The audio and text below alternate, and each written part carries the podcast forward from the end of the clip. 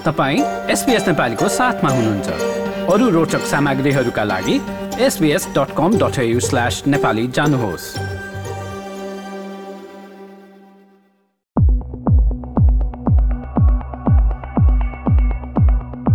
यस हप्ताका प्रमुख समाचारमा नेपालमा स्थानीय तहको निर्वाचन शुक्रबार सम्पन्न भएको छ। सात सय त्रिपन्न स्थानीय निकायका पैँतिस हजारभन्दा बढी पदाधिकारीका लागि चौसठी प्रतिशतभन्दा बढी मानिसले मतदान गरेको निर्वाचन आयोगले अनुमान गरेको छ।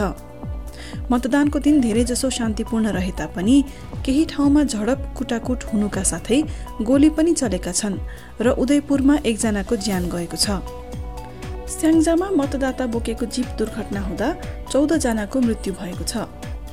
प्रधानमन्त्री शेरबहादुर देउवाले उत्साहपूर्ण रूपमा स्थानीय तह निर्वाचन सम्पन्न भएकोमा सबैलाई धन्यवाद दिएका छन् भने राष्ट्रिय मानव अधिकार आयोगले निर्वाचन अपेक्षाकृत रूपमा शान्तिपूर्ण हुन नसकेको जनाएको छ। अधिकांश ठाउँमा मतगणना सुरु भएको छ। पछिल्लो निर्वाचनमा मतपत्र च्यात्ने प्रवृत्तिले केही स्थानका नतिजा विवादित बनेपछि यसपटक निर्वाचन आयोगले मतगणना स्थलमा विशेष सुरक्षाको व्यवस्था गरेको छ। प्रायजसो मतगणना स्थलमा गणक र उम्मेद्वारका प्रतिनिधिलाई छुट्याउनका लागि तारजाली लगाइएको छ र धेरै ठाउँमा सिसिटिभी क्यामेरा पनि जोडिएको छ। कतिपय वडामा मतगणना सम्पन्न भएर नतिजा पनि आइसकेको छ। अपेक्षाकृत रूपमा तीन ठूला दलले धेरै ठाउँमा अग्रता लिएका छन् भने काठमाडौँ जस्ता ठूला शहरमा स्वतन्त्र उम्मेद्वारले अग्रता लिएका छन्। मतदान गर्ने क्रममा विवाद भएका कतिपय ठाउँमा फेरि मतदान गरिने पनि निर्वाचन आयोगले जनाएको छ। र आज विश्व परिवार दिवस। यसै अवसरमा मैले परिवारको बदलिँदो स्वरूपका बारेमा केही कुराकानी गरेकी छु।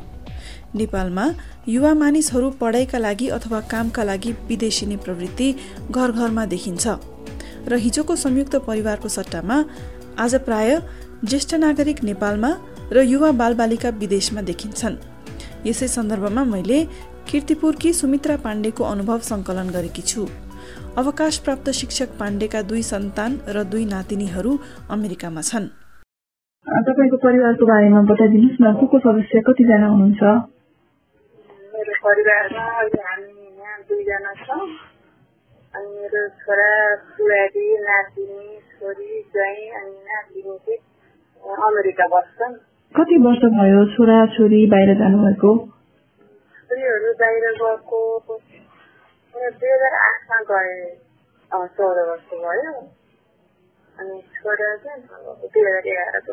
अब छोरा छोरी बिना तपाईँहरू तपाईँ र श्रीमान हुनुहुन्छ कसरी जीवन बिताइराख्नु भएको छ? तपाईँहरूको अहिले काम गर्दै हुनुहुन्छ कि अथवा रिटायर हुनुभयो? कि के गर्दै हुनुहुन्छ? अहिले हामी दुवैजना रिटायर भइसक्यौँ। पहिला म टिचिङ गर्थेँ। उहाँको चाहिँ हुनुभएको अब भनेपछि छोराछोरी नहुँदाखेरि चाहिँ तपाईँहरू आफ्नो दैनिक दैनिकी कस्तो हुन्छ अहिले? त सामान्य नै हुन्छ आफ्नो अब पकाउने खाने यताउति समाज व्यवहार यताउति चलिरहेको छ अब कहाँबाट आउँदा अलिकति अस्वस्थ हुँदा अनि अब कहिले गाडी मिठो खान मन लाग्दा चाहिँ प्राथमिक फेरि आउँछ। अनि उनीहरूलाई कतिको भेट गरिराख्नुहुन्छ? अनि परिवार एकैसाथ छौँ भन्ने भावनाको लागि चाहिँ के के गर्नुहुन्छ?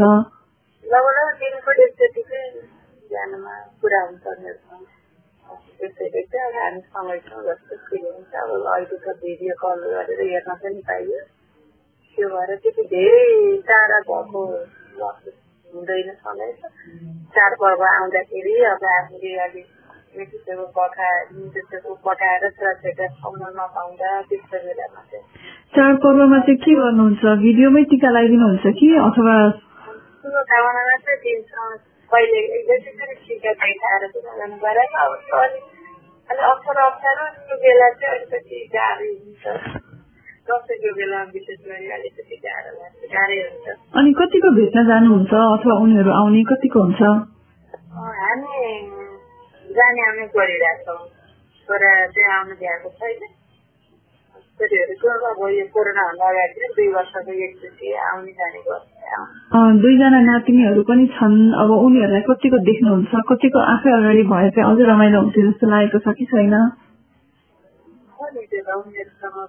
खेल्न पाए देख्छ नि अब पाइँदैन मात्रै पाइन्छ अब कति वर्षका भए नातिनीहरू? छोरीको छोरी सात वर्ष पुग्न लागि। अब असारमा सात पुग्छ अनि छोराको छोरी चाहिँ अब असारमा एक वर्ष पुग्छ भर्खरै। उनीहरू दुवैजनाले तपाईँहरूले वर्षको एकपल्ट चाहिँ देख्नुहुन्छ। हजुर अँ छ सात महिना पछि पनि यदि त्यसरी नै गइरहेछ कहिले काहीँ एक वर्षपछि नै गइयो कुनै बेला। तपाईँको छोरा र छोरी चाहिँ के के को लागि अमेरिकामा बसिराख्नु भएको छ? अनि उतै बस्ने सोच्नु भएको छ कि आउने सोच्नु भएको छ कि के छ? पढ्न भनेर गएका हुन् खासमा हजुर। तर पछि चाहिँ अनि उतै जब गरेर बसिरहेछन् अब थाहा छैन अब आउँछन् कि के गर्छन् त्यो चाहिँ परिवार यसरी छरिएर रहँदाखेरि चाहिँ तपाईँलाई कस्तो लागेको छ हामी चाहिँ परम्परागत रूपमा चाहिँ नेपालमा पनि एउटा जोइन्ट फ्यामिली जस्तो सिस्टम हुन्थ्यो। तिन चार पुस्ताहरू एकै ठाउँमा बसिरहेका हुन्थे। त्यो नहुँदाखेरि अब आफ्नो जीवनको छुट्टा छुट्टै बाटोमा लाग्दाखेरि चाहिँ परिवारले कतिको परिवर्तन भइरहेको छ जस्तो लाग्छ तपाईँलाई?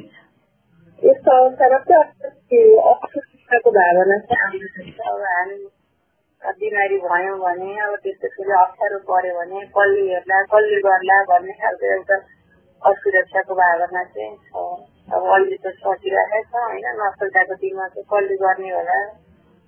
उनीहरू उहाँबाट आउन पनि अब गाह्रो झट्टै आउन अब मिल्दैन। अब त्यस्तो परिहालेर आउँदा पनि पाँच सात दिन त लागि नै हाल्छ अब सबैतिर मिलाएर आउनलाई त्यो अवस्थामा चाहिँ कसले गर्ला भन्ने एउटा असुरक्षाको भावना चाहिँ हुँदो रहेछ छोराछोरी टाढा भइसकेपछि नेपालभित्रै भएको भए त अब अहिले केही भयो भने भरेसम्म त आइपुग्छन् भन्ने एउटा आश उनीहरू चाहिँ एउटा विकसित देशमा आफूले चाहे जस्तो रोजे जस्तो पढाइ व्यावसायिक जीवन बिताइरहेछन् भन्ने कुरामा खुसी पनि हुनुहुन्छ कि कस्तो छ? त्यसमा चाहिँ अब खुसी पनि छौँ छोराछोरी राम्रो गरे पढे राम्रो गरिरहेछन् त्यहाँ गएर पनि राम्रै जब गरिरहेछन् होइन?